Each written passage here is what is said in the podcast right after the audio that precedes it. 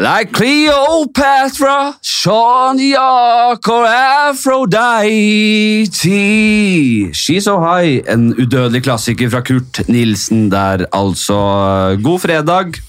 Uh, sitter her rett og slett med min kjære venn og kollega, som er litt sliten i nebbet i dag. Fordi han er en eldre herremann, og fordi vi var på standup-festival i går på Josefines. Det var vi. Det var kjempekult. Jonny Christiansen, Jonny K. Johnny K. Godfather. Godfather. Where's my watch? Du, eh, jeg skal i hvert fall ha en reparasjonsøl. Vil du ha det? Eller, Eh, eller blir nei, det for tidlig på den? Nei. Eh, Jeg skal ikke ha det nå. Da blir, det, da blir det kanskje to på meg, for jeg Ja, har en okay. juicy IPA. Det er det som går nå, Jonny. Ok, er så det går i fint. Det begynner å bli litt sånn trendy. Det er liksom med smak og mango og litt sånne type ting. Det er noe jåleri, selvfølgelig, Ja. men det, er det går som hakka møkk rundt på buti butikkene rundt omkring. Ok, Så du lar deg styre av markedskreftene. Det er typisk, ikke sant? En sånn mm. Det er akkurat det. Nei, men Den er, litt, den er fruktefin. Den, eh, den, den sitter godt i munnhulen. Jeg ser det, altså Huden din er jo blank og fin. altså den er, eh, Jeg vet ikke hva den er preget av, men den ser veldig sånn Har- godt. Jeg jeg får litt ikke- sånn Ikke en følelse av dråpe krem på det trynet. Okay, okay, okay. opp igjennom. Den er faktisk, det, Huden er jeg fornøyd med. Det er glimrende. det er Du har, du har ikke dårlig hud selv. Nei, Det er jo selvfølgelig begynt jo- å rynke seg litt til oppe ved men rynker, ikke sant? uten rynker så har du ikke følelser. Ikke sant? Det er rynkene som forteller sinnsstemningen din i ansiktet. Ikke sant? Smilerynker, hud. Det viktigste sanseorganet vi har, er huden. Ikke sant? Tenk deg den berøringen. Du, Det hjelper jo ikke bare med en telefon. Ikke sant? Du får ikke noen følelser der. Ikke sant? En telefon har jo ikke armer. Nei, nå, det blir dypt, men jeg er helt enig. Altså, jeg har en veldig følsom hud. Jeg er jævlig glad i å bli kost litt på, altså kilt litt av kjæresten min. Men når jeg ser for eksempel- blikket ditt nå, så tror jeg vi bare dropper fortsettelsen.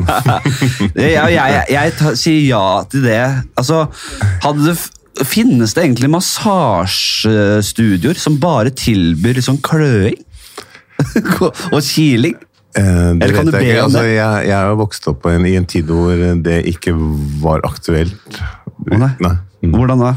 Nei, altså, da, da, vi, altså Det var myggstikk, Mm. ikke sant? og det var hvis du hadde hudsykdommer og hvis du hadde psoriasis eller et eller annet. altså Da klødde det, liksom.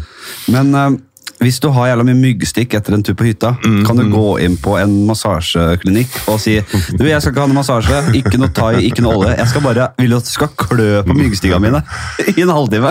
Ja. Tror du du kan få det? Jeg tror egentlig ikke det, men jeg ser for meg det bildet ditt. altså Nå begynner du å liksom gå inn i det der litt eh, absurde universet, men jeg, jeg er jo egentlig der selv ofte. Ja. Så, Men myggstikk, altså Det kan jo, det som er kult, var hvis du hadde såpass mange ting som du kunne klø på på kroppen, at det plutselig ble et sånt eh, At du kunne plutselig få en gevinst.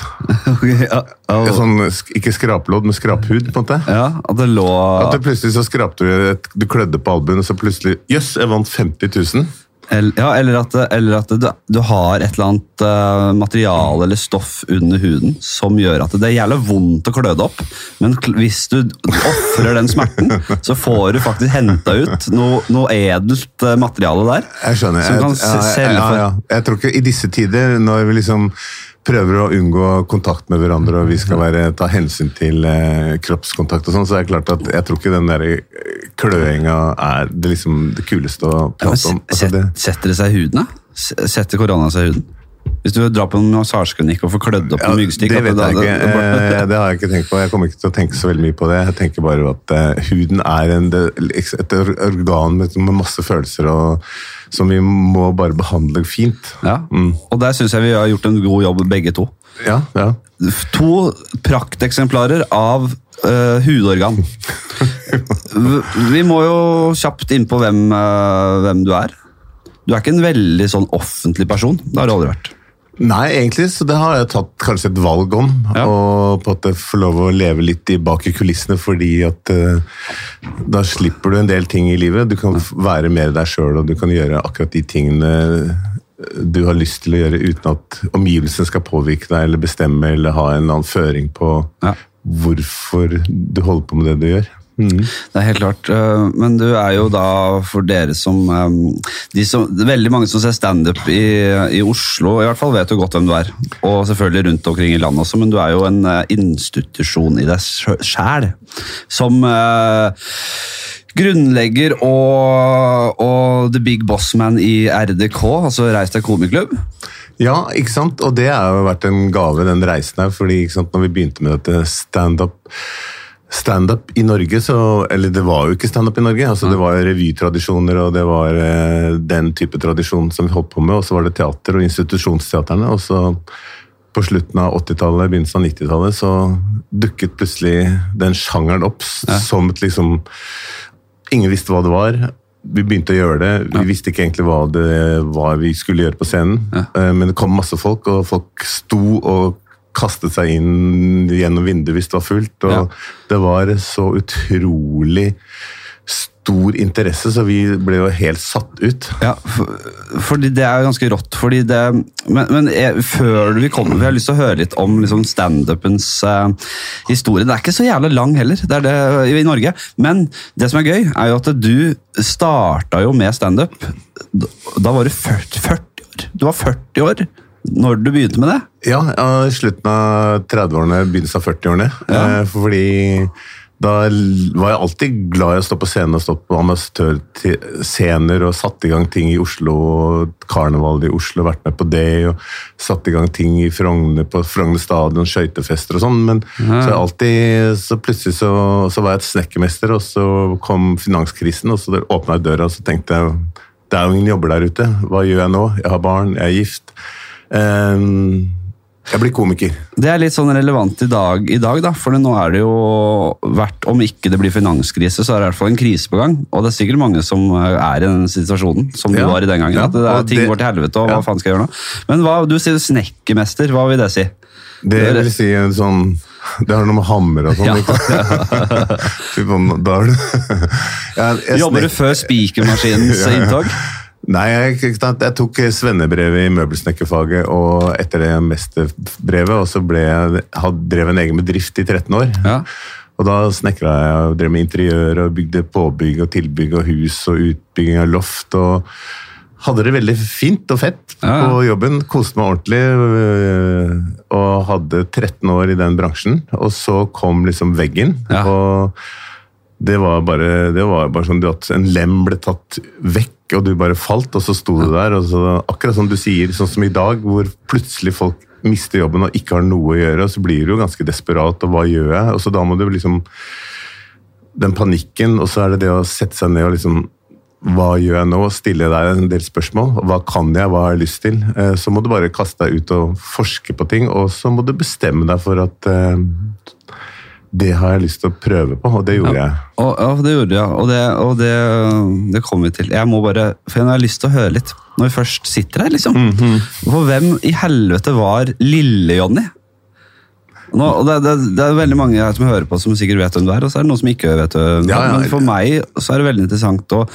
Uh, For jeg klarer, jeg klarer veldig godt å visualisere den unge Jonny sånn visuelt. Ja, og hva ser du? Nei, det er deg, altså. Med en liten rakker her. Men, eh, Ja, ja. men, uh, hva slags type var du da du var yngre? Nei, jeg var litt frikete. Ja, var frikete? Eh, Ja, ikke sant? Ja, jeg, så jeg hadde, gikk, hadde jo mye hår og afghanpels og hadde masse skjegg og, og var en litt frikete fyr. og Hva legger du deg frikete, da? Altså, blir at du var Nei, du kan tenke deg liksom 70-tallet, ikke sant? Eh, Du ser de coverne på disse Doors og Det var hele Frank Zappa og Du fulgte tidens ja, Cream og Du fulgte strømmene. Mm, Eller, eller du fulgte de eh, litt eh, opprørske strømmene. Ja, ikke sant? Du var jo i, i form av opposisjon, heldigvis. Og det gir deg selvfølgelig erfaringer i livet, og så er det noe med at du velger en musikksjanger, du melder en form for å leve. ikke sant? Og du bodde, jeg bodde i kollektiv sammen med seks andre og to bikkjer, ikke sant? og vi hadde Sa du husmøter. 60 andre? Seks, Ja. ja, ikke sant? Ja. Så det var den tiden hvor du Og så, og så gikk jeg jo Jeg var jo ikke noe god på skolen, ikke sant? Altså, det, det er fordi kanskje min mor er engelsk, da, så jeg kom til Norge, eller mutter'n kom til Norge, og jeg er født i Oslo, men, eh, og hun ble alene. Og da har hun ikke så mye sånn kunnskap i forhold til norsk og det norske samfunnet, og hun måtte klare seg sjøl. Også relevant i mye av det vi ser i dag. Ja, den der, at du, har litt, du bytter litt mot eh, kulturen, og, og det er språkbarriere, og du, du er oppegående person, men kommer ikke helt gjennom, liksom. Og får da heller ikke overført eh, en del til deg, da. Er det det du Nei, mener? nei, altså, jeg måtte finne en løype, ikke sant? fordi Ja. jeg, mine venner hadde jo masse annen kunnskap og erfaring. De hadde veldig etablerte hjem. Mm. Ikke sant? Morfar og veldig tradisjonell.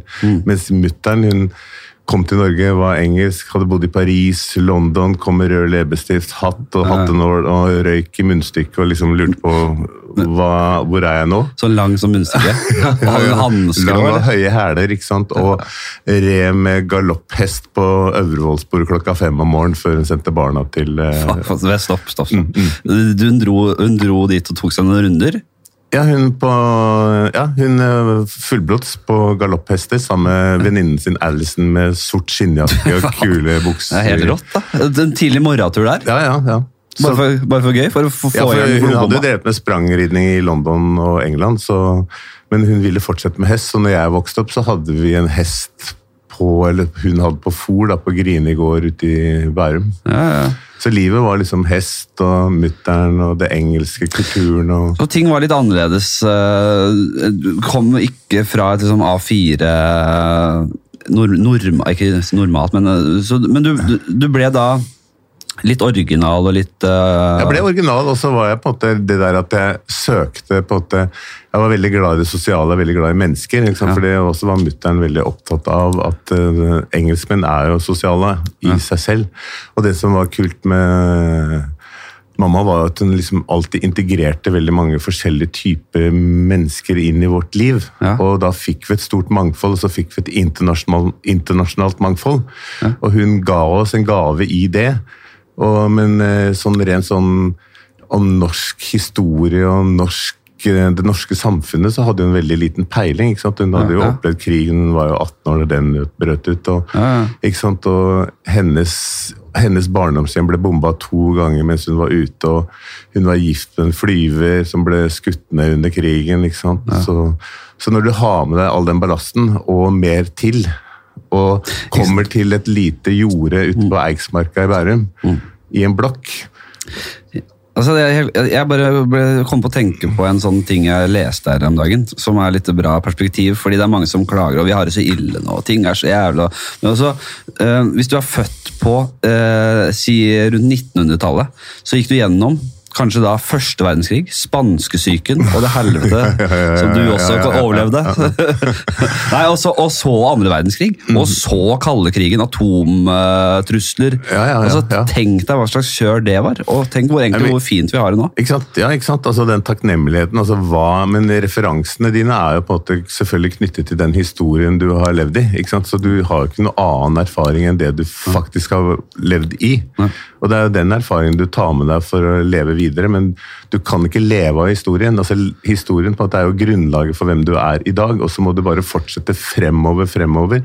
Og ikke liksom begrense deg og si at alt var bedre før, og ingenting skjer. og Altså, Vi lever i et samfunn hvor vi er så utrolig privilegerte, og vi har det så bra. Og levealder og muligheter og Ja. medisinsk hjelp. Du, det ser du i denne krisen her. Ja. Jeg er født i 52, ikke sant? syv år etter krigen. Jeg liksom var en venn av Arve Oppsal. og ja.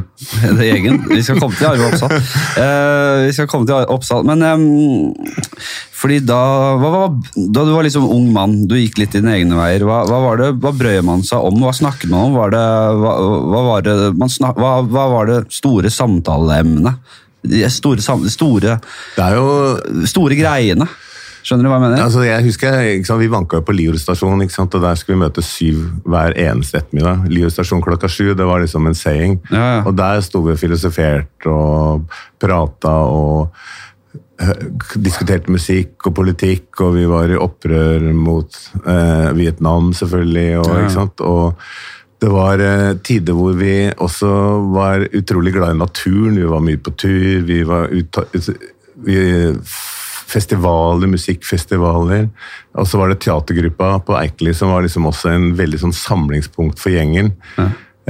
så den eh, opplevelsen og det samholdet som vi hadde i den der eh, teatergruppa, det var bare helt rått. ikke sant? Fordi Ja. vi levde for det. Vi, altså, vi strøyk på skolen for å være med neste år. ikke sant? Ja, ja. Det er sånn med revyen Ja, ja. nå. Mm, mm, Jeg husker jo det at man ga ofte helt faen i skolen. Det var det som betydde noe for meg Ja, òg. ikke sant? Men uh, var det sparka meg inn, inn mange åpne dører som man gjør Å, fy faen, Trump han er ikke god. Var litt sånn Han Lyndon Ja, B. det jo Johnson, han er, ja, det er faen ikke et ham, Nixon og altså. Gorbatsjov og Khrusjtsjov og sånn. ikke sant? Altså, det er jo legendariske skikkelser, ikke sant? og så er det jo og så var jo Franco og? Det var jo en del regimer rundt Ja. i verden, og hele Europa var jo full av grenser. ikke sant? Og det var østblokk, og det var DDR, ikke sant? og det østblokklandene, og det var jo utrolig altså, Når man snakker om, om det at, at demokratiet på en måte har kommet mer og mer til mange land, så er jo det en fantastisk eh, gave ikke sant, i forhold til befolkningen. Men vi er jo langt fra ferdig når vi ser den tilstanden verden er i dag. ikke sant?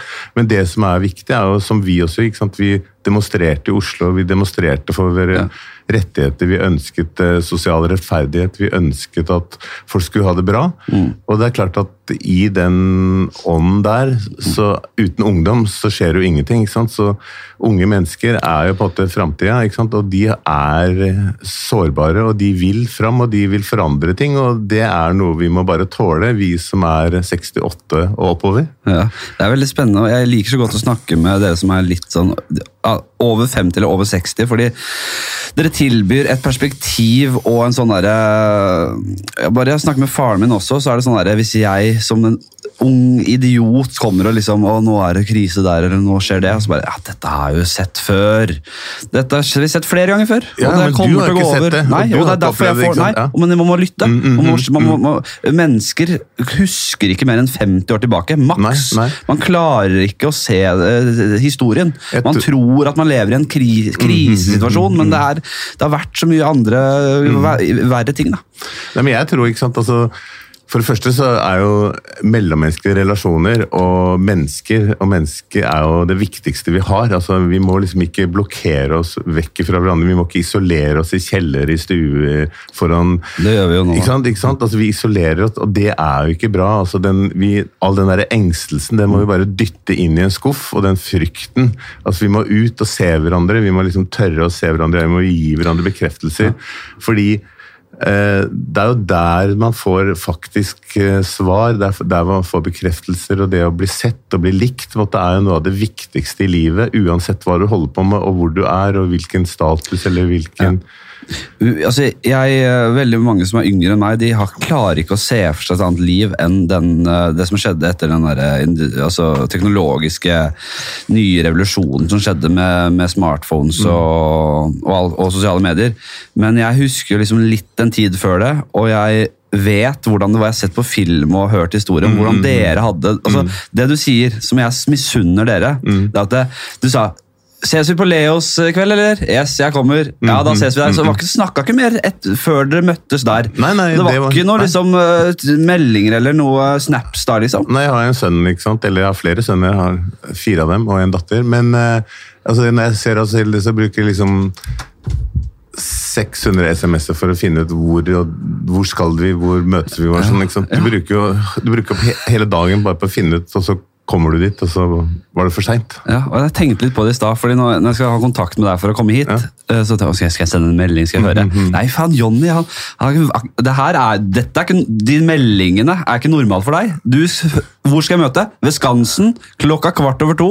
Flott! Ja. Ses der. Og da har vi en avtale, tenker jeg. Ja. Og da møtes vi opp. Altså, det er jo sånn det er. på en måte. Altså, Jeg tenker Vi må liksom ta fram blyanten og pennen litt av og til og skrive og ta fram pennal og viskelær. og liksom, Hvis du skriver med hendene, så får du på en måte den opplevelsen også inn i kroppen og gjennom armen. og? Det er jo noe helt annet å bruke hendene og skrive med håndskrift enn å sitte på et tastatur. Ja, Det er noe med det, helt enig i det. Og det er klart og Så kan du gå inn på tastaturet senere, men jeg tror at du får et sånn nærmere forhold til både tekst og innhold og opplevelse, fordi den derre du er i ett med liksom hånda og blyanten. og jeg, Når du ser elever kanskje på skoler i dag som faktisk aldri altså De begynner på første klasse uten pennal og blyant. Ja. Altså Da tenker jeg sånn Det tenker jeg Du kan gjøre det i tillegg. For det er alltid fint å kunne skrive. Vi lever i et kvantitativt uh, samfunn. Skjønner du? Før Ja. så var det mer eksklusivt, det var mer kvalitet på det man fikk tak i. Nå er det alt altså Det masseproduseres, musikk masseproduseres, alt masseproduseres. Det jeg også misunner, er hvordan man kunne liksom Man fikk kloa i den nye Beatles-LP-en, så løp man opp på rommet, Ja, og da satt man ja, på huk og, og, og, og ærbødig la den der på platespilleren, og de tonene kom ut, og det var så eksklusivt. Det var Ja, så Nei, husker jeg. Nå ja, er liksom det, du, du, du planla en hel liksom, uke, skulle ned til byen, tok trikken ned til byen, det kosta 40 øre. ikke sant? Å ta trikken ned, og Du hadde penger i lomma, ikke sant? du skulle inn på Norsk Musikkforlag, og nye liksom, Hard Day's Night hadde kommet med Beatles. ikke sant? og Du sto der helt andektig og holdt den i hånda, ikke sant? og bare denne er min, ikke sant? Kosta 30 kroner, og så bare tok du trikken hjem, og så kom du av trikken. ikke sant? Det var som å eh, liksom løfte sånn Champions League-pokal, ikke sant? at du hadde vunnet. ikke sant? Alle på Eiksmarka bare snudde seg og bare «Hæ? Jonny har fått LP-en! ikke sant? Og vi dro hjem og satte på liksom platespilleren og løftet stiften, og alle bare sånn Hør, nå kommer det! It's been a hard day's night. Og alle bare hylte og gråt av glede. ikke sant? Jeg husker når Stones kom til Oslo, var det i 67 eller 65. Så sto jeg, sykla jeg fra Eiksmarka ned til Fornebu og sto oppe på liksom Utafor Caravelle, en restaurant der, der var det sånn terrasse. Og så sto vi der og ropte 'We want Rolling Stones, Beatles go home'. We want, Og storma flyplassen, og så kom brannbilen og spylte oss vekk. Ja. Og liksom, en venn av meg liksom ble hengende i døra etter Rolling Stones bil og fikk tatt på Brian Jones. ikke sant? Det var bare sånn, Han var, fikk heltestatus. Og de gutta lever fremdeles, og de går på scenen og er på en måte bare så utrolig vitale. ikke sant? Og de er bare, de elsker det de gjør. De digger det. Det er livsverket deres. Og det er akkurat sånn vi også bør tenke. altså Du bør stå opp om morgenen og tenke hva faen er det skal jeg få ut av denne dagen? Altså, Den livsgleden, Vi den er fortapt, Jonny. Nei, vi er ikke det. Nei, du Ingen er ikke det. Du har jo opplevd en annen tid der folk er fortapt. Vi er Ja, fortapt inn i en digital møkkaverden. Altså, før så betalte du da, si, eh, justert med inflasjon, så var det da 109 kroner for eh, det der Beatles-albumet. Nå betaler du 109 kroner i måneden for Spotify, og du ser å ja, nå har de sluppet ny plate. Ja, det kan jeg høre. Når jeg vil! Ja, ja, ja, Null problem. Det er samme faen, liksom. Det er, det er ja, ikke noe for, sjel. ja, men for meg, Jeg skjønner det, men for meg, når jeg ser mine, mine barn og ser den tida jeg lever i, så det er klart at jeg også drar ut kvaliteter den tida jeg lever i. Det er mye fantastisk informasjon, tilgang, grenser er brutt ned. Det er mye mer man, man, Det er mer transparent, på en måte. Man ser man, jeg tror man også åpner samfunnet i forhold til å gi folk muligheter. sant? Da, før så lå man mye mer isolert inni en bygd, inni en fjord, inni en by. Og den, du tok en årlig tur, liksom, og det var hipp hipp hurra. ikke sant? Men, eh, men det er noe med å se begge deler. og Du må ikke, altså man må ikke fornekte fremtid, og, men vi må bare prøve å liksom styre den i den retningen som faktisk det er, det er vi som til syvende og sist avgjør. altså Det er jo folkene som gjør det. Jeg er helt enig. Nå sitter det eh, unge mennesker rundt på vorspiel i det ganske land og hører på den podkasten her. Dere jekka seg en Tuborg og måker noen chilinøtter. Har du ett tips til de som er litt yngre nå, som uh, Et tidløst tips? For en gammel traver. Altså det, For det første så må du eh, stole på deg sjøl, på en måte. Mm. faktisk verdsette deg sjøl. For alle disse alle disse herlige menneskene som er der ute, de har kvaliteter, de har ressurser. Og ikke fornekt hvem du er. Vær stolt av den personen du er. Hvis du knapt veit hvem du er, da, fordi du, du, du lever gjennom Instagram, du ser falske til, eh, til, altså Folk legger ut falske hverdager. Falske eh, lykke altså det er så mye, Alt de legger ut, er lykke. De viser ikke de mørke, kjipe, menneskelige sidene. Så alt er et glansbilde. Jo, så mange sitter og vet ikke hvem de er. De tror de er mislykka, de er ikke det. de er. Ja, men, men Der kommer også ofte ensomheten, fordi du tror på noe som er en drøm. Og Det er fint å ha en drøm, men virkeligheten og drømmen, på en måte, det er den der, det krysningspunktet der.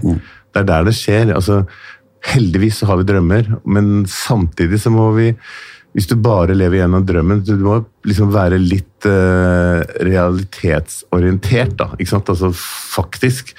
Fordi skuffelsene er store, og du møter motgang, men det er hvordan, hvis du ikke liker deg sjøl og går ut med en dårlig selvfølelse, dårlig tillit til deg selv, så får du det enda verre, ikke sant?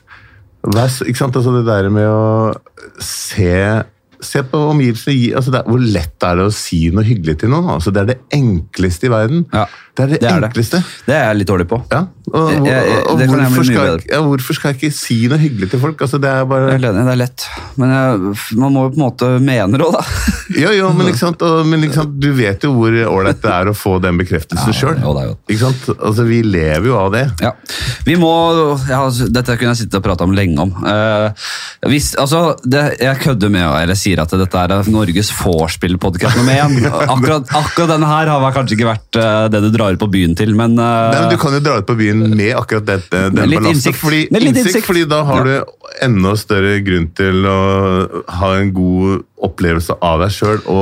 Så behøver du ikke nødvendigvis å drikke en kassepils. Du bør ikke ta syv jegershots. Ja. Det holder kanskje med å ta noe. Altså, et snitt og en fireball. Ikke sant? Altså, tenk deg på en 17-åring altså, som skal bli 18. Ikke sant? Tenk deg de, alle de innvollene som er i en kropp til en 17-åring. ikke sant? Som bare sånn koser seg og har det friske fint. Deilige, innvoller. Friske innvoller, ikke sant? Ikke sant? Og så merker du plutselig innvollene at nå nærmer det seg russetida. ikke sant? Altså Det er et nytt gi, du har kjøpt buss, eller du har, skal ut, du skal på du skal til Syden. Ja. Tenk på innvollene. Tenk på milten, tenk på lungene, tenk på leveren, tenk på alle de bekymringene, tenk på, bukspyttkjertelen. Ja. De må også ha et liv, fordi det coveret er greit nok. Hvis jeg, hvis jeg blir, hvis jeg blir eh, Eller allerede nå hvis, hvis det hadde vært en ung person som hadde dødd, eh, frisk, eh, friske organer, og så hadde jeg fått vite Ok, vi har faktisk overraskende nok ingen som trenger noe donororganer. Så du, kan, Henrik, kan egentlig få alt hvis du vil. Jeg hadde, yes! Jeg tar alt! Legg, meg under kniven nå! Jeg tar hver bidige organ nå! Men, Ja, men Du kan eh, drive med sånn pyramidespill, de gir bort én lever, og så får du en 34 eller noe. Ja, ja, selvfølgelig. Får du kloa i leveret, så, så tar du det, kjøper du det, legger du det på glass. Fordi Ja, men ikke sant, det trenger du før. altså, det- eneste du Ikke sant? Det er jo øh, jeg, ser, jeg, ikke sant? jeg lever i en, som du sier, jeg, alderen min. ikke sant? Jeg, jeg ser jo meg selv som en vital fyr, en, lyst, en leken fyr som har lyst til å fortsette livet. ikke sant? Jeg tenker at nå er jeg midt i livet. Ja, så du- sier folk til meg så sier de, det er du ikke, Jonny. Du skal snart Men Mora di er jo 98. lever, og 98 Ja, ja. og i full vigør. Ja, Eller ikke full vigør, selvfølgelig. Hun hopper ikke trampoline nei, og står på sparkesykkel og sånn, men hun har rullator og rullestol, så hun er liksom borti det. Ja. Men hun er en dame som hun skal ut, hun tar på seg leppestift, hun grer seg, hun, skal, hun er forfengelig, og forfengeligheten er viktig. Og så Hun skal ut, hun, skal ta, hun tar seg tre gin tonic eh, om, om dagen og nyter det. Hun er jo, da, hun er jo dartspiller, sånn som deg og meg. Vi er dartfolk. Deg og mora di og meg. Uh, jo, det er vi, Jonny. Ja, ja. eh, Du ser ned på meg. Du, du anerkjenner ikke meg som dartspiller. Nei, men altså, du er jo, du er, altså, Jeg er jo mye bedre enn deg, og det er klart at jeg spiller dart en halvtime hver dag. Ja, det er jeg elsker å spille dart. Det er en form for terapi i forhold, til den, i forhold til den jobben jeg holder på med. Fordi jeg må, Av og til så må du inn i bobler og bare være helt fra sjøl. Det er liksom Av og til så ønsker du å stå på Hardangervidda aleine med et mikrofonstativ og bare Mm. snakke til en forbigående Men, ja. skrantesyk reinsdyr, f.eks.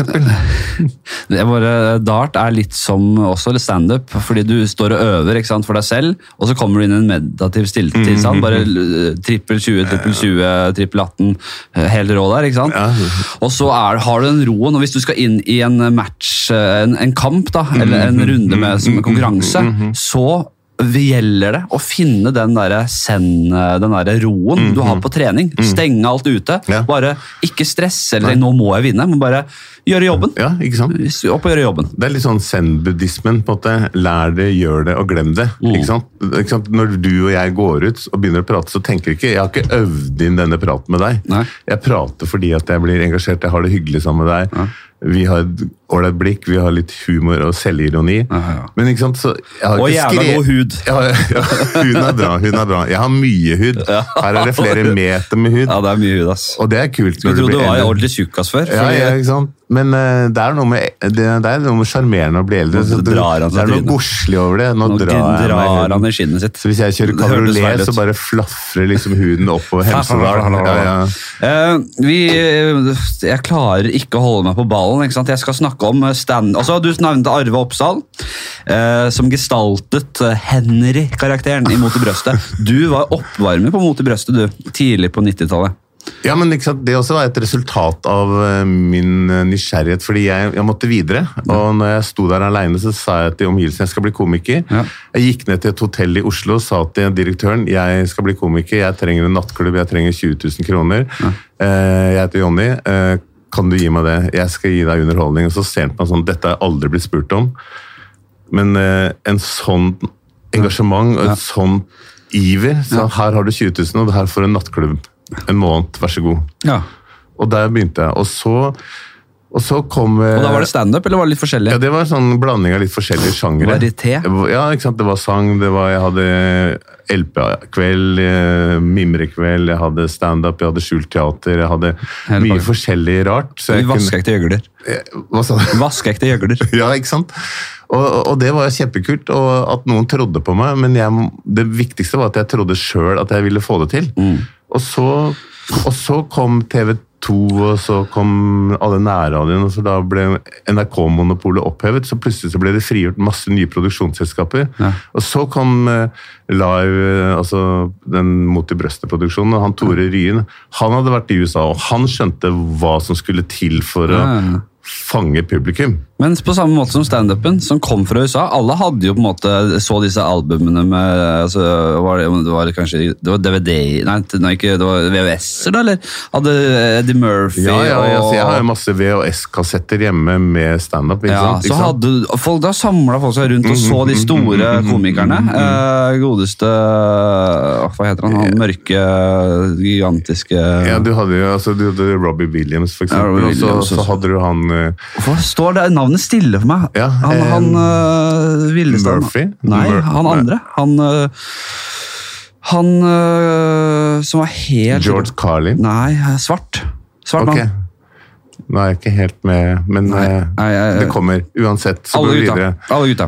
Og her, så Man så jo standup, og dette gjorde jo, det var ikke bare de spesielt interesserte som gjorde det heller, det var jo noe man så i Norge også. Selvfølgelig. Så, da, der, så der kom jo, og det gjør, Sånn er det jo fortsatt, at uh, man ser Netflix-specials, man ser uh, utenlandsk humor, og Ja, ja, så ja, så trekker jo det veldig interesse inn mot standupen i Norge, så det er jo veldig bra. Ja, ikke sant? Man blir jo inspirert, men, Men- du, men du, kan, du må jo bare Det eneste verktøyet du har, er jo Du må begynne der du er på en måte i livet. Altså, Du må begynne med det du har. For, å skru oss litt inn på, på, på standupen, da, Ja. Mm, som er litt interessant. Fordi dere starta en, en scene etter hvert. Hvor var den første scenen i Oslo? Eh, Det var en scene på Aker Brygge som het Teatro, Ja. som var på en noen fyrer som oppnådde som hadde lyst til å lage noe alternativt til det etablerte underholdningsopplegget som var i Oslo. Ja. Og så møttes vi en gjeng seks-syv stykker, og så begynte vi, og vi kom fra forskjellige miljøer. Revy, sang, teater, musikk. eh, Og jeg var oppvarmer den tida.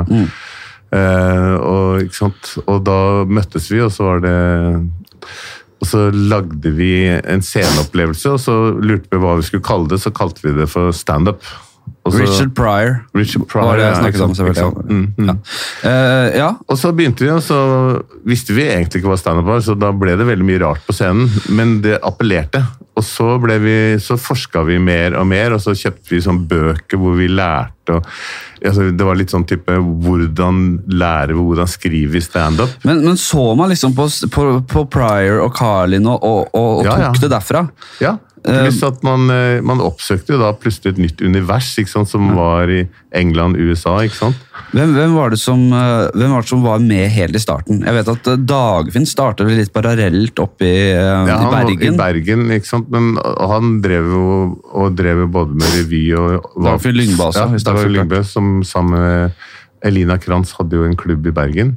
Ja. Men vi begynte altså De første som var med, det var jo det styret var jo Eddie Eidsvåg, så var det Jon Skau, og så var det meg. Broren til Jon- eh, Bjørn Eidsvåg. ja, ja, og så var det en som heter Eilert Munch Lund og Rigmor Galtung og Maja Løvland og Din kjæreste. Ja, og Det er det, En og det er fantastisk. en nydelig kvinne du har fått deg har, har Ja, Vi har et veldig godt liv sammen, og vi har en evig samtale som aldri tar slutt, og det er viktig. Og At du, må, at du må legge ned dasslokket? Nei, nei. Samtalen går på at man er nysgjerrig på hverandres liv, Ja og ikke liksom bare tar det for gitt. Vær, du skal spørre din kjære, du skal si noe til din kjære hver eneste dag til kjæresten din. Vær nysgjerrig. Da får du som regel hyggelige svar og gode opplevelser. Det, skal, jeg- det driver jeg jobber med, jeg er ikke så god på det. Så jeg nei. vet at Kjæresten min fortjener litt mer på den fronten. der. Jeg er ikke så jævla... Ja. Jeg er litt sånn, jeg gir litt faen i ting. jeg. Ja, ikke sant? Men øh, det er ikke bra. Nei, men jeg sier altså, jeg bryr deg faen ikke om altså, En dag så sa For noen år siden så, sa, så stod jeg og dusja, så banka dama mi på døra. Henrik! Henrik! Henrik! Henrik! Og etter hvert så måtte jeg skru av vannet. Ja, ja, går det fint? Hva skjer? Og så sa hun Det snør! Så herlig. Er- ja, det, er, jo herlig, men for meg er det snør! Ja, men i helvete! Jeg er jo vant til å se Jeg, er blitt fora opp på uh, dokumentarer og samtaler om universet Ja, ja, og de villeste, okay, okay, okay, eh, de Mm. villeste temaer. Så for meg så er sånne jordiske fenomener som snø altså det er altså så uinteressant. Gi meg dagen- noe aliens, gi meg noe Bob Lazar, romskip i Area 51, Ja, liksom. Det er veldig mange som er glad i hvitt. da. Snø. ikke sant? Ja, altså er Northug det. elsker å gå på ski. Han er fortsatt glad i det hvite. Så, men, men tenk deg den dagen det Hvit er yndlingsfargen til tenk deg den dagen det ikke regner og ikke snør. Ikke sant? Altså, du bare du bare står i det vinduet og bare Hvor i helvete blir det av den vinteren? ikke sant? Det, det at, Ja. ikke sant? Da, da, får vi, da får vi panikk. For Du vil jo ha sommer, det er helt overbevist om. Du ser jo sånn ut. altså Du er ser jo ut som en luftmadrass. ikke sant? Du ser jo så slapp og nydelig ut. Myk å ligge på, Ja god, ikke sant? Ja da, i like måte, gamle skinnfelle. Jeg, jeg, eh, også etter hvert så ble jo standup mer og mer etablert. Det var veldig populært. Det var eh, apropos det hvite og, og det brune gullet. Så det var jo mye fest og moro. Og etter hvert så kom de kommersielle kanalene. Folk ble superstjerner. Tommy Steine, Ja, så kom, ja, så Sturla Berg var også med fra begynnelsen av. Ja. Han var veldig god på revy. Han kom og i, slo igjennom en Juster-parodi, Leif Juster-parodi på TV. og etter det gikk det bare oppover i alle bauger og kanter. Og framover og tilbake og ned og fram. Men? Og alt, det gjør noe med oss mennesker, for vi er, så unge. ikke sant? Eller vi var unge den gangen, eller ikke jeg, men alle de andre. Men eh, når du plutselig får så mye oppmerksomhet, det er masse tilbud, og, og, og den der fristelsen av eksempel, som vi snakker om alkohol og rus og alt det der, når det plutselig ligger på bordet, og ingen har fortalt deg konsekvensene, eller alle vil deg vel, og du føler at du liksom er stjerna, ikke sant? Ja, fordi det er noe annet. eh, Det er bare noen få som, i dag som føler på det der kjendiskjøret som var den gangen. Ja, ja, det var mye, mye, mye, mye mer tydelig sånn klasse mellom kjendiser. Men nå har du Da hadde du Da så alle de samme tingene. Ja, ja, ikke sant, ikke det var alle, hele Norge visste om deg. Hvis du var med på bot og jævla bedring, da, så visste alle hvem du var.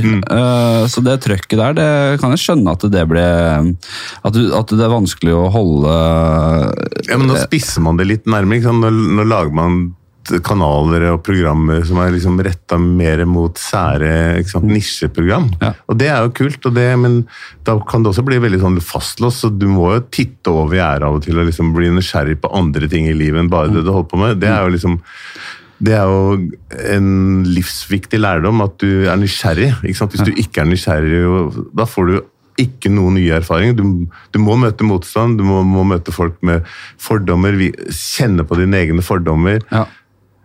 Og, det er, eh, og, det, og når jeg begynte med Mot i brøstet, så da, da, da tok jeg det initiativet sjøl. Og han, Tore Ryen han sa bare jeg må ha en fyr som tar vare på publikum, gir dem god opplevelse, gir dem latter. Får jeg det, så blir sendinga god. Ja. Og jeg fikk liksom 20-30 minutter, sto foran publikum, gjøgla, sto, prata. Fikk lov å boltre meg. Publikum hylte og latter. Jeg Ja. fikk oppmerksomhet. De lagde et portrettprogram med aviser. ikke sant? Og, fikk, og etter det så fikk jeg bare masse jobber. Når du hører eh, latteren vi får i dag, kontra latteren som var, lo folk mer i før i tida? Var det mer å klaske seg på låret? Eller, for det Folk ler jo som faen i dag òg, men Ja, ja, uh, man er nå- mer eksponert for underholdning enn Man det er man var på mye mer eksponert for underholdning. ikke sant? Altså, det er så mye type Underholdning har bare eksplodert i alle forskjellige universer og former, og, og hva vi ler av. ikke sant? Altså, det er jo så individuelt. ikke sant? Vi lever, hvilken frykt er det, eller hva lever vi av? Selvironien, eller det absurde, eller det politiske? ikke sant? Men latteren er på en måte kontrakten uansett. Ja. ikke sant? Den der frigjøringen, at vi kan le av noe, gjør noe med oss. Ja. Og det er klart at det er jo kontrakten, og så kan vi være uenige. Og heldigvis så må du møte konflikter som komiker. Du må akseptere at noen ikke liker deg, noen ikke anerkjenner deg. Men du må stå ved ditt, og du må gjøre det faktisk du har lyst til å Ja. gjøre på scenen. Ikke la omgivelsene bestemme hvem du er. Og det gjelder jo livet generelt. Stå frem, vær liksom tydelig på hvem du er. Det er mye lettere for folk å forholde seg til. Ja. Men vær raus. Helt klart. Eh, Jeg er bare litt sånn eh, interessert i mm, generasjonene i standup. For du hadde jo den gjengen som starta, som du nevnte. Jon Skau Ja, ja, og ja, deg ja, ja. og uh, Sturla. Jonas Rønning var vel med fra starten her. Ja, ja. Eh, og så kom liksom den der eh, neste generasjonen. Var ikke det liksom ble, kom, Etter hvert så kom Er neste generasjon da liksom Zaid Ali Ja, Zaid Ali, og så kom jo da ikke sant, Jonas Bergland, Jonas Støme, og så kom jo Henrik Terje- Terje Thodesen, Terje Sporsem kom tidlig, og Sigrid Bonde Tusvik kom. Ja, men Nå blander du litt men- generasjoner. her. Kom de samtidig, ja? Ja, så De kom på 2000-tallet, da. ja. ikke sant? Og så Så Dag Sørås etter hvert der. Og, Ja, og det er klart at eh, Og så var det plutselig et Oslo-fenomen, ikke sant. Og standup er jo en veldig sånn urban greie. Det, det, starter, det er jo der det er flest jobber, mest muligheter. Mm. De meste klubbene, det er der du på en måte kan eksponere deg eller få muligheten. da. Ja. Eh, Men det har, nå har standupen spredt seg veldig over landet og etablert seg i veldig mange små steder og store byer rundt omkring i Norge. Men det er klart, jeg føler at alle komikere vil til Oslo på en eller annen, en eller annen tid, og oppleve det i hvert fall. Ja, helt, øh, helt klart. Og det, er- du merker jo det at øh, med en gang folk får en grei suksess i andre byer, så kommer de inn til storbyen. Selvfølgelig. selvfølgelig. Du ser det Bergen, Loppa hele Bergen for uh, Hvor mange komikere har ikke flytta fra Bergen? For der var jo en veldig gyllen Ja, generasjon. fantastisk. Da jeg begynte, så var jo de beste standup-komikerne der. Ja. Og Nei, det ser jo nå Ja, er Karsten Blomvik flytter over fra Stavanger nå, og du har uh, Ja. hadde et kurs i Bergen hvor jeg, Stian Blipp var med på et kurs. Ja vel, ja, ikke sant? Ja. Ikke sant? Og du så, liksom, du så bare der, ut ifra dansinga hans og hele formen, ja. typen, at han ville på en scene, han ville Han, underholde. han kledde denne greiene der, men du, du har jo også Man glemmer jo fort man, man, Stian er jo absolutt god Og så er det Kristoffer Schjelderup, ikke sant? Er det, Ja, for Man glemmer jo litt de, de Ja, som er virkelig gode standup-komikere, Ja, ja, som kanskje ja. ikke er så kjente. da. Stian Blipp er jo fantastisk jo på mange måter, men, men det er ikke standupen som er hans Nei, absolutt ikke, men han begynte også der. Og så velger han noe annet. Ikke sant? Ja, ja. Så det er veldig mange At du kommer fra forskjellige miljøer, for eksempel, og så begynner du, og så sjekker du ut. Mm. Så finner du ut at det er ikke alle som skal være standupere, heldigvis. Ja. Og det er ikke alle som prøver som heller skal fortsette. Nei. Men det er noe med selvinnsikten. ikke sant? Altså, Hva er det jeg er god til? Ja. Men eh, du skal aldri på en måte la ikke sant, De som har talent, taper ofte fordi de blir litt slappe og sløve og de tror at alt bare kommer til seg og de fikser livet uansett. Og Hvis de møter litt motstand, så gjør de noe annet. Men de som har litt motstand, de, og viljen viljen til å jobbe, jobbe, forske, forske, være på ballen, de får som regel suksess fordi de har en sånt herlig blikk for 'dette vil jeg'. Helt klart. Det, man må jobbe på. Jeg er ikke alltid like god på å jobbe. Jeg har liksom perioder.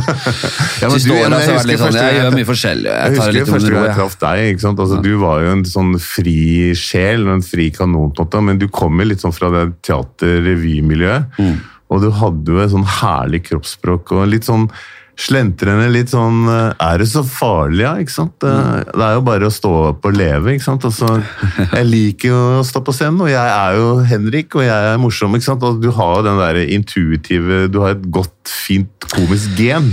Jeg har i hvert fall alltid gitt helt totalt faen. Ja, ikke sant? Ikke sant? Og, det, Og og, det- og, etter alt mulig som har med sånn eh, karriere og kjendiseri og, og, og- og det, Jeg har aldri pushet noe særlig eh, grense for å oppnå ting, og det tror jeg har vært en styrke for meg. eller det, Jeg er fornøyd med å være den personen. Ja, men- Samtidig så har jeg ikke vært, hatt de ambisjonene ellers. Jeg er på en måte aldri, det, det går rolig for seg, liksom. Men du har jo også vært litt sånn skuffet og av og til litt sånn misunnelig, eller følt at du kanskje sikkert hadde lyst til å, å få en annen oppmerksomhet eller anerkjennelse noen ganger enn Det tror jeg, for det kan jeg, har jeg merka av og til. Jeg merket på at jeg har slitt veldig, eller jeg føler jeg har jobba på en va høy vanskelighetsgrad. Ja, ja, fordi ja. jeg har på en måte vært litt dratt inn i en sånn politikk Mm, mm, mm, og øh, gå- blitt på en måte ekskludert fra, fra Latter og den øh, bedriften der nede. Oh ja, ok. Eh, Så det har jo vært litt sånn, følt litt på at jeg har en distanse til resten av eh, miljøet.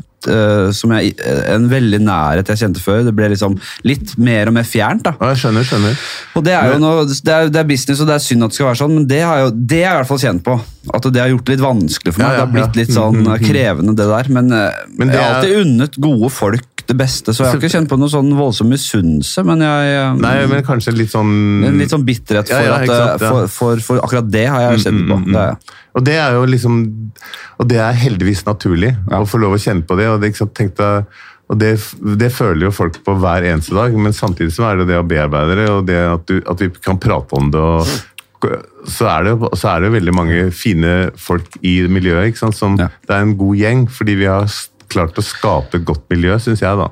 Vi har et veldig godt miljø, og det er veldig mye fine folk i standup. Og øh, flink, flinke folk altså, ting, Det skjer Nå ringer alarmen. Nå har det gått 45 minutter. Yes. Vi, vi holder på litt til. Ok, litt til. Um, fordi, uh, ting skjer så fort. da. Du, det, I fjor så var det uh, altså, Folk får plutselig en suksess. Uh, plutselig så kommer det nye talenter som får en sånn supersuksess. Ja, ja, ja. Og for noen tar det lengre tid. Og de neste 10, de neste 20 årene så kommer det til å skje ting som man ikke klarer å forutse engang. Og det er veldig gøy å se at det, folk jeg kanskje tenkte ok, jeg tenkte ikke noe over at det skulle ta av, liksom. Og så plutselig Nei, nei. så får man en sånn vei inn.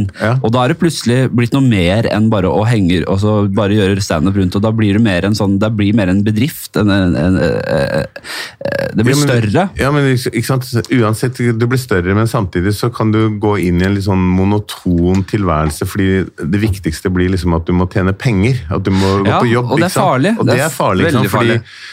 Penger er viktig, men hva er det jeg skal bruke disse pengene til, og hva er det de pengene, hva er det den tida gjør med meg i forhold til min egen kreativitet og Ja. mitt eget, min egen utvikling, da. Fordi jeg tror at blir, begynner å bli likegyldig Ja. til det du holder på med, så mister du all form for eh, livsglede.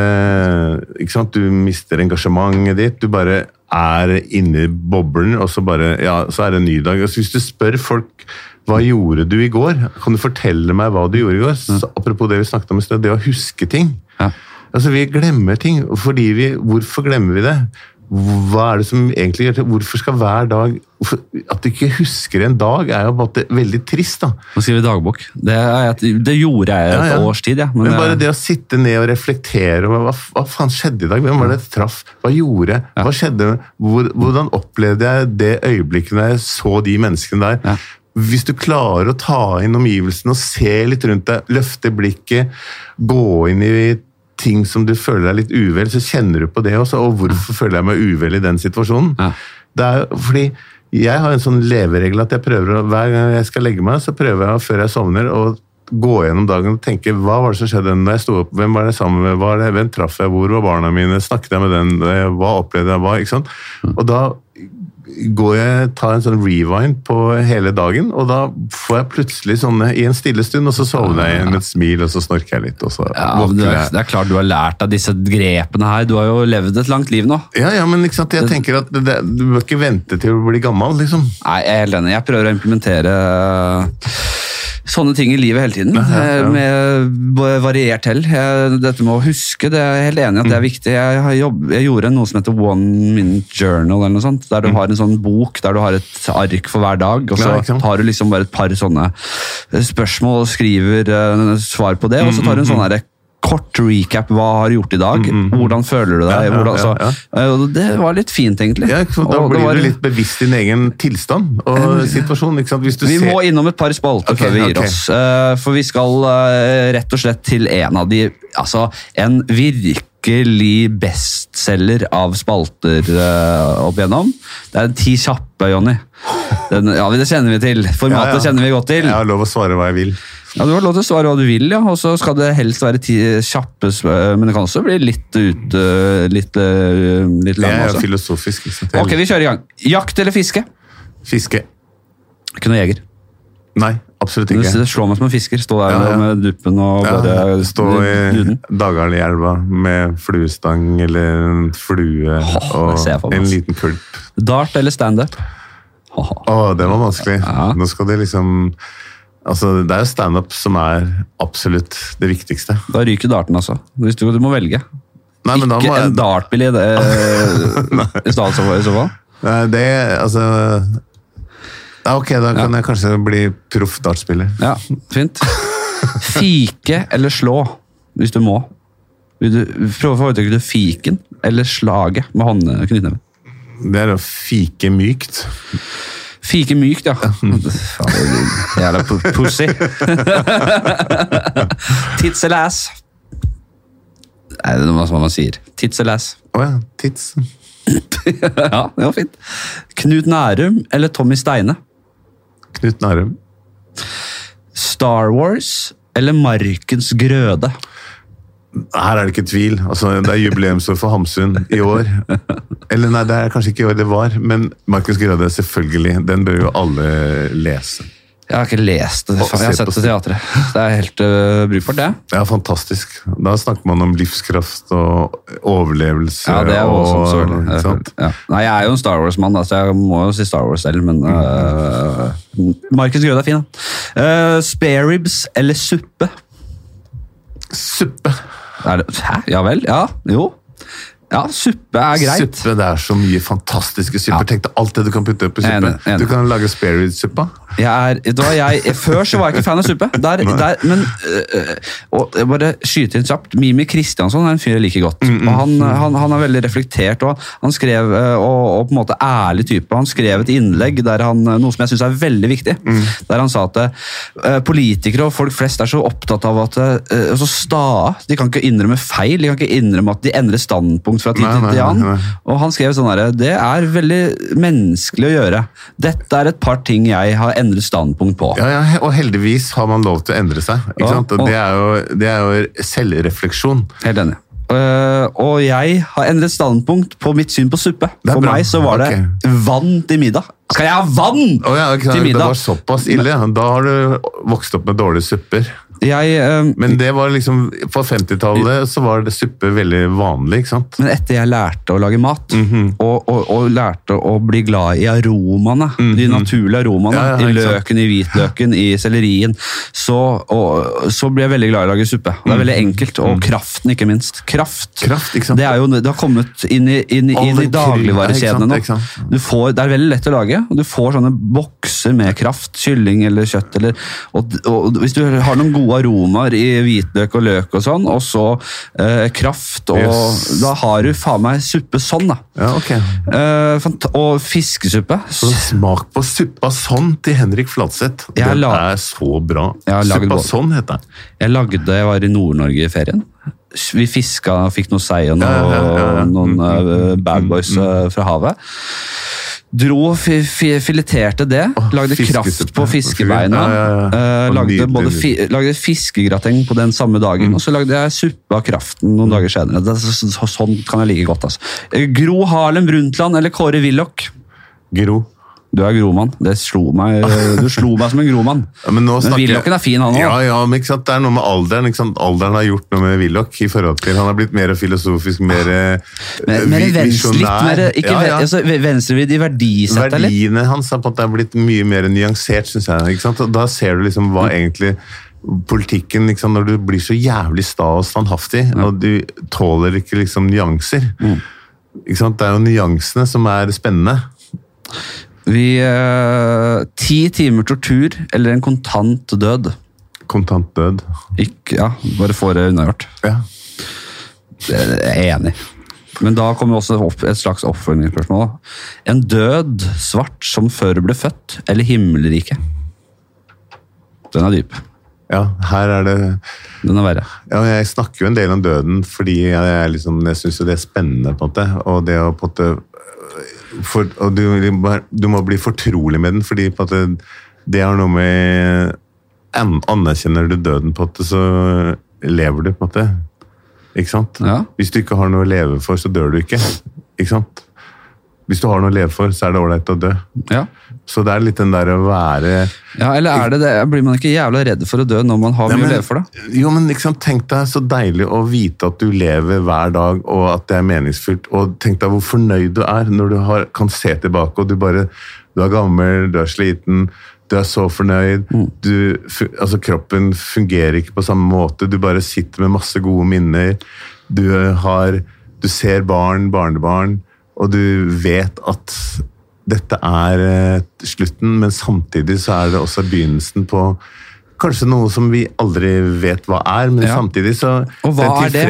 Ja, og mange hva- kaller himmelriket. Ja. Og, og er, det, er det noe du øh, ønsker, eller er det noe du frykter? For jeg er kanskje heller mot å frykte litt. Øh. Jo, men Jeg har også vært inne i frykten. Det virker jo helt absurd og helt meningsløst liksom at du skal bli borte. Altså Når du går i Oslo by, eller i London, eller Stockholm, eller på Vinstra, eller i Holmestrand, og så bare ser du alle disse menneskene og du tenker sånn Alle disse skal bli borte! Ja. Det er jo helt, helt Jeg synes det er sjukt å tenke på alle de milliarder, milliarder av mennesker som har dødd. Ja. Ja, ikke sant? Men samtidig så ikke sant? Barn har jo på en måte sånn ikke sant? Barn er jo bare helt sånn De skjønner jo ikke det, men og heldigvis så er det umulig å tenke sant? 30, 20, 50, 60, 70, 80 år fremover.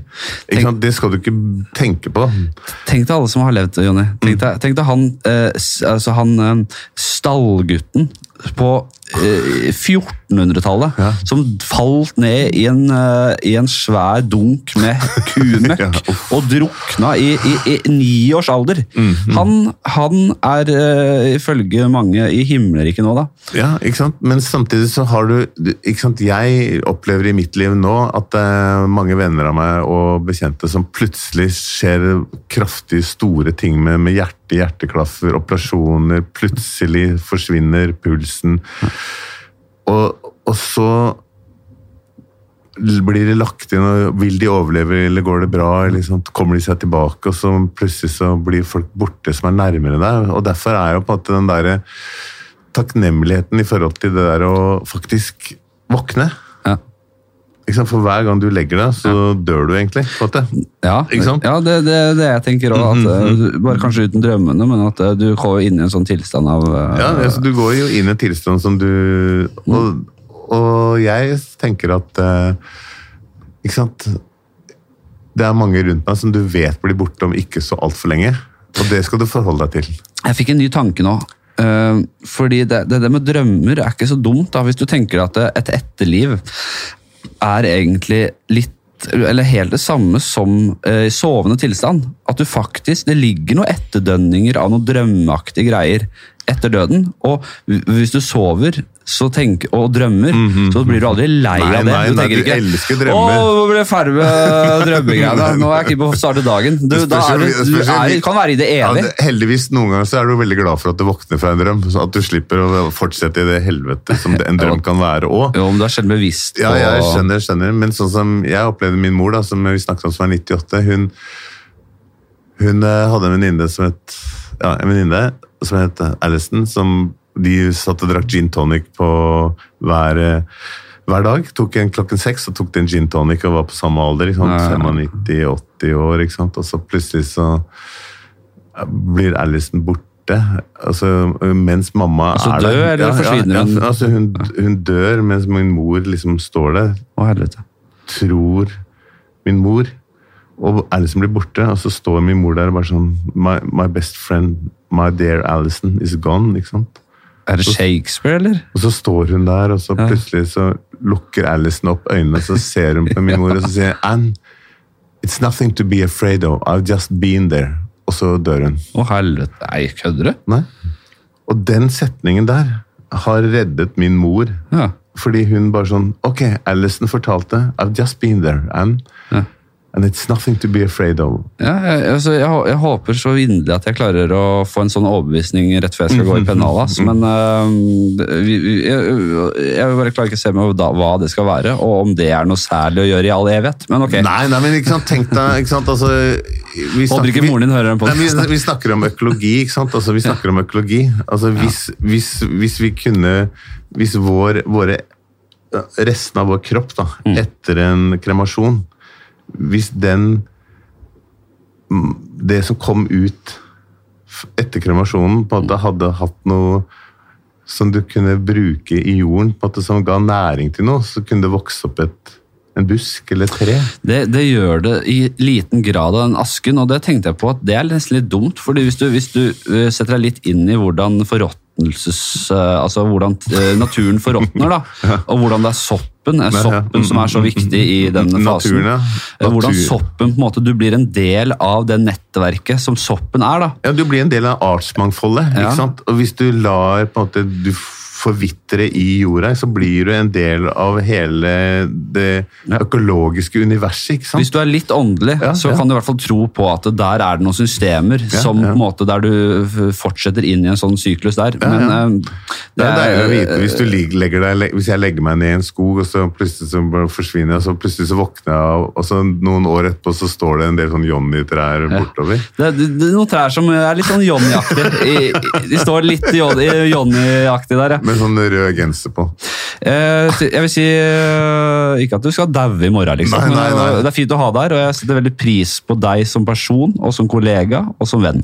Men Tusen takk, Henrik. Og jeg startet eh, standup-karrieren eh, under dine vinger, og du kommer til å være der en stund til, og det er helt rått. Og det er jeg veldig takknemlig for, og jeg syns at det også har for meg vært en fantastisk reise å bli kjent og truffet unge folk som deg og andre kollegaer og fått være med på hva dere tenker og hva dere gjør, og det gir jo meg masse input og mye energi. Altså Det er jo bare sånn Det er bare så befriende. Altså Alle bør jo bare stå bak skulderen på unge folk og så se over dem og se hva de holder på med, og lære av dem. Ja, ja. Ikke sant? Dere har jo gitt meg masse refleksjoner, istedenfor at jeg tenkte alt jeg ikke hadde lært da, hvis jeg ikke hadde hatt det standup-miljøet. Ja, nei, det, det, det tror jeg på. Og så, ja, du, du, du holder deg jævla godt, og du vet at det, det er ikke umulig for deg å ta tilbake den gamle stilen du snakka om, eh, den du hadde på 70-tallet. 70 For det er, det er helt retro og helt rått nå. Ja. Det er det. ja, men det ser jeg fordi jeg tar fram en cornflakes-bukse som jeg kjøpte i 91, og den er bare så inn og hot nå, ikke sant? Og hvem i helvete er jeg til å snakke om mote? Jeg kan jo ikke en dritt om mote. Ok, Takk for at du hører på. Uh, ha en fantastisk helg. Og, eller, det er ikke sikkert du hører den i dag, kanskje du hører den her om to år. Og at fått med deg litt visdom fra en klok, eh, rå type som heter Jonny Kristiansen. Jeg heter Henrik Fladseth. Ha det fint. Ha det bra.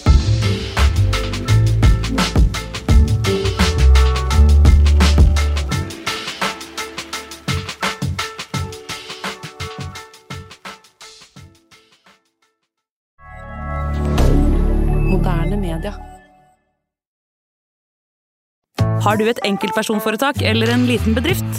Da er du sikkert lei av å høre meg snakke om hvor enkelt det er med kvitteringer og bilag i fiken, så vi eh, gir oss her, vi. Fordi vi liker enkelt. Fiken superenkelt regnskap.